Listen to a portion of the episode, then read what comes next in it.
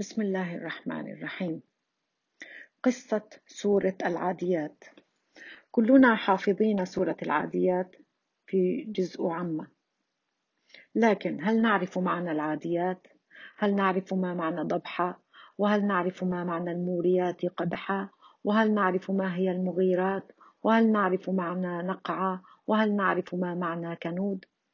العاديات هي الخيل التي يركبها الفرسان في الحروب ضبح يعني صوت أنفاس الخيل.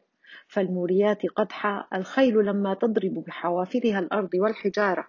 فالمغيرات صبحا الخيل التي تغير على العدو خاصة وقت الصبح.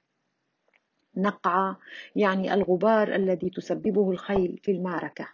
الكنود الجاحد لنعم ربنا عليه.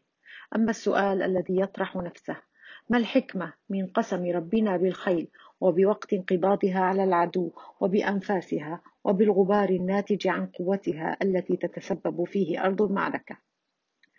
الذي تتسبب فيه في أرض المعركة. إنها تعمل كل هذا إرضاء لسيدها الفارس الذي يركبها وهي في الأصل لا تعرف شيئا إلا إنها تعمل الذي هو يريده لأنها فقط لأنه فقط يطعمها ويرعاها ويهتم بها كنوع من رد الجميل. فسبحان الله. من أجل هذا ربنا ذكر بعدها جحود الإنسان ونكرانه مع ربه. إن الإنسان لربه لكنود. ورغم أن الله أنعم علينا بنعم كثيرة لا تعد إلا أننا غير معترفين بها ولا راضين بحالنا. ودائما ساخطين على أقدار الله. ومع أول ابتلاء نطعن في حكمه وعدل ربنا. إلا من رحم ربي.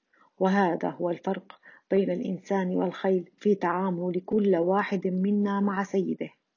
إنها سورة قصيرة جدا لكن فيها معاني تحرك القلوب.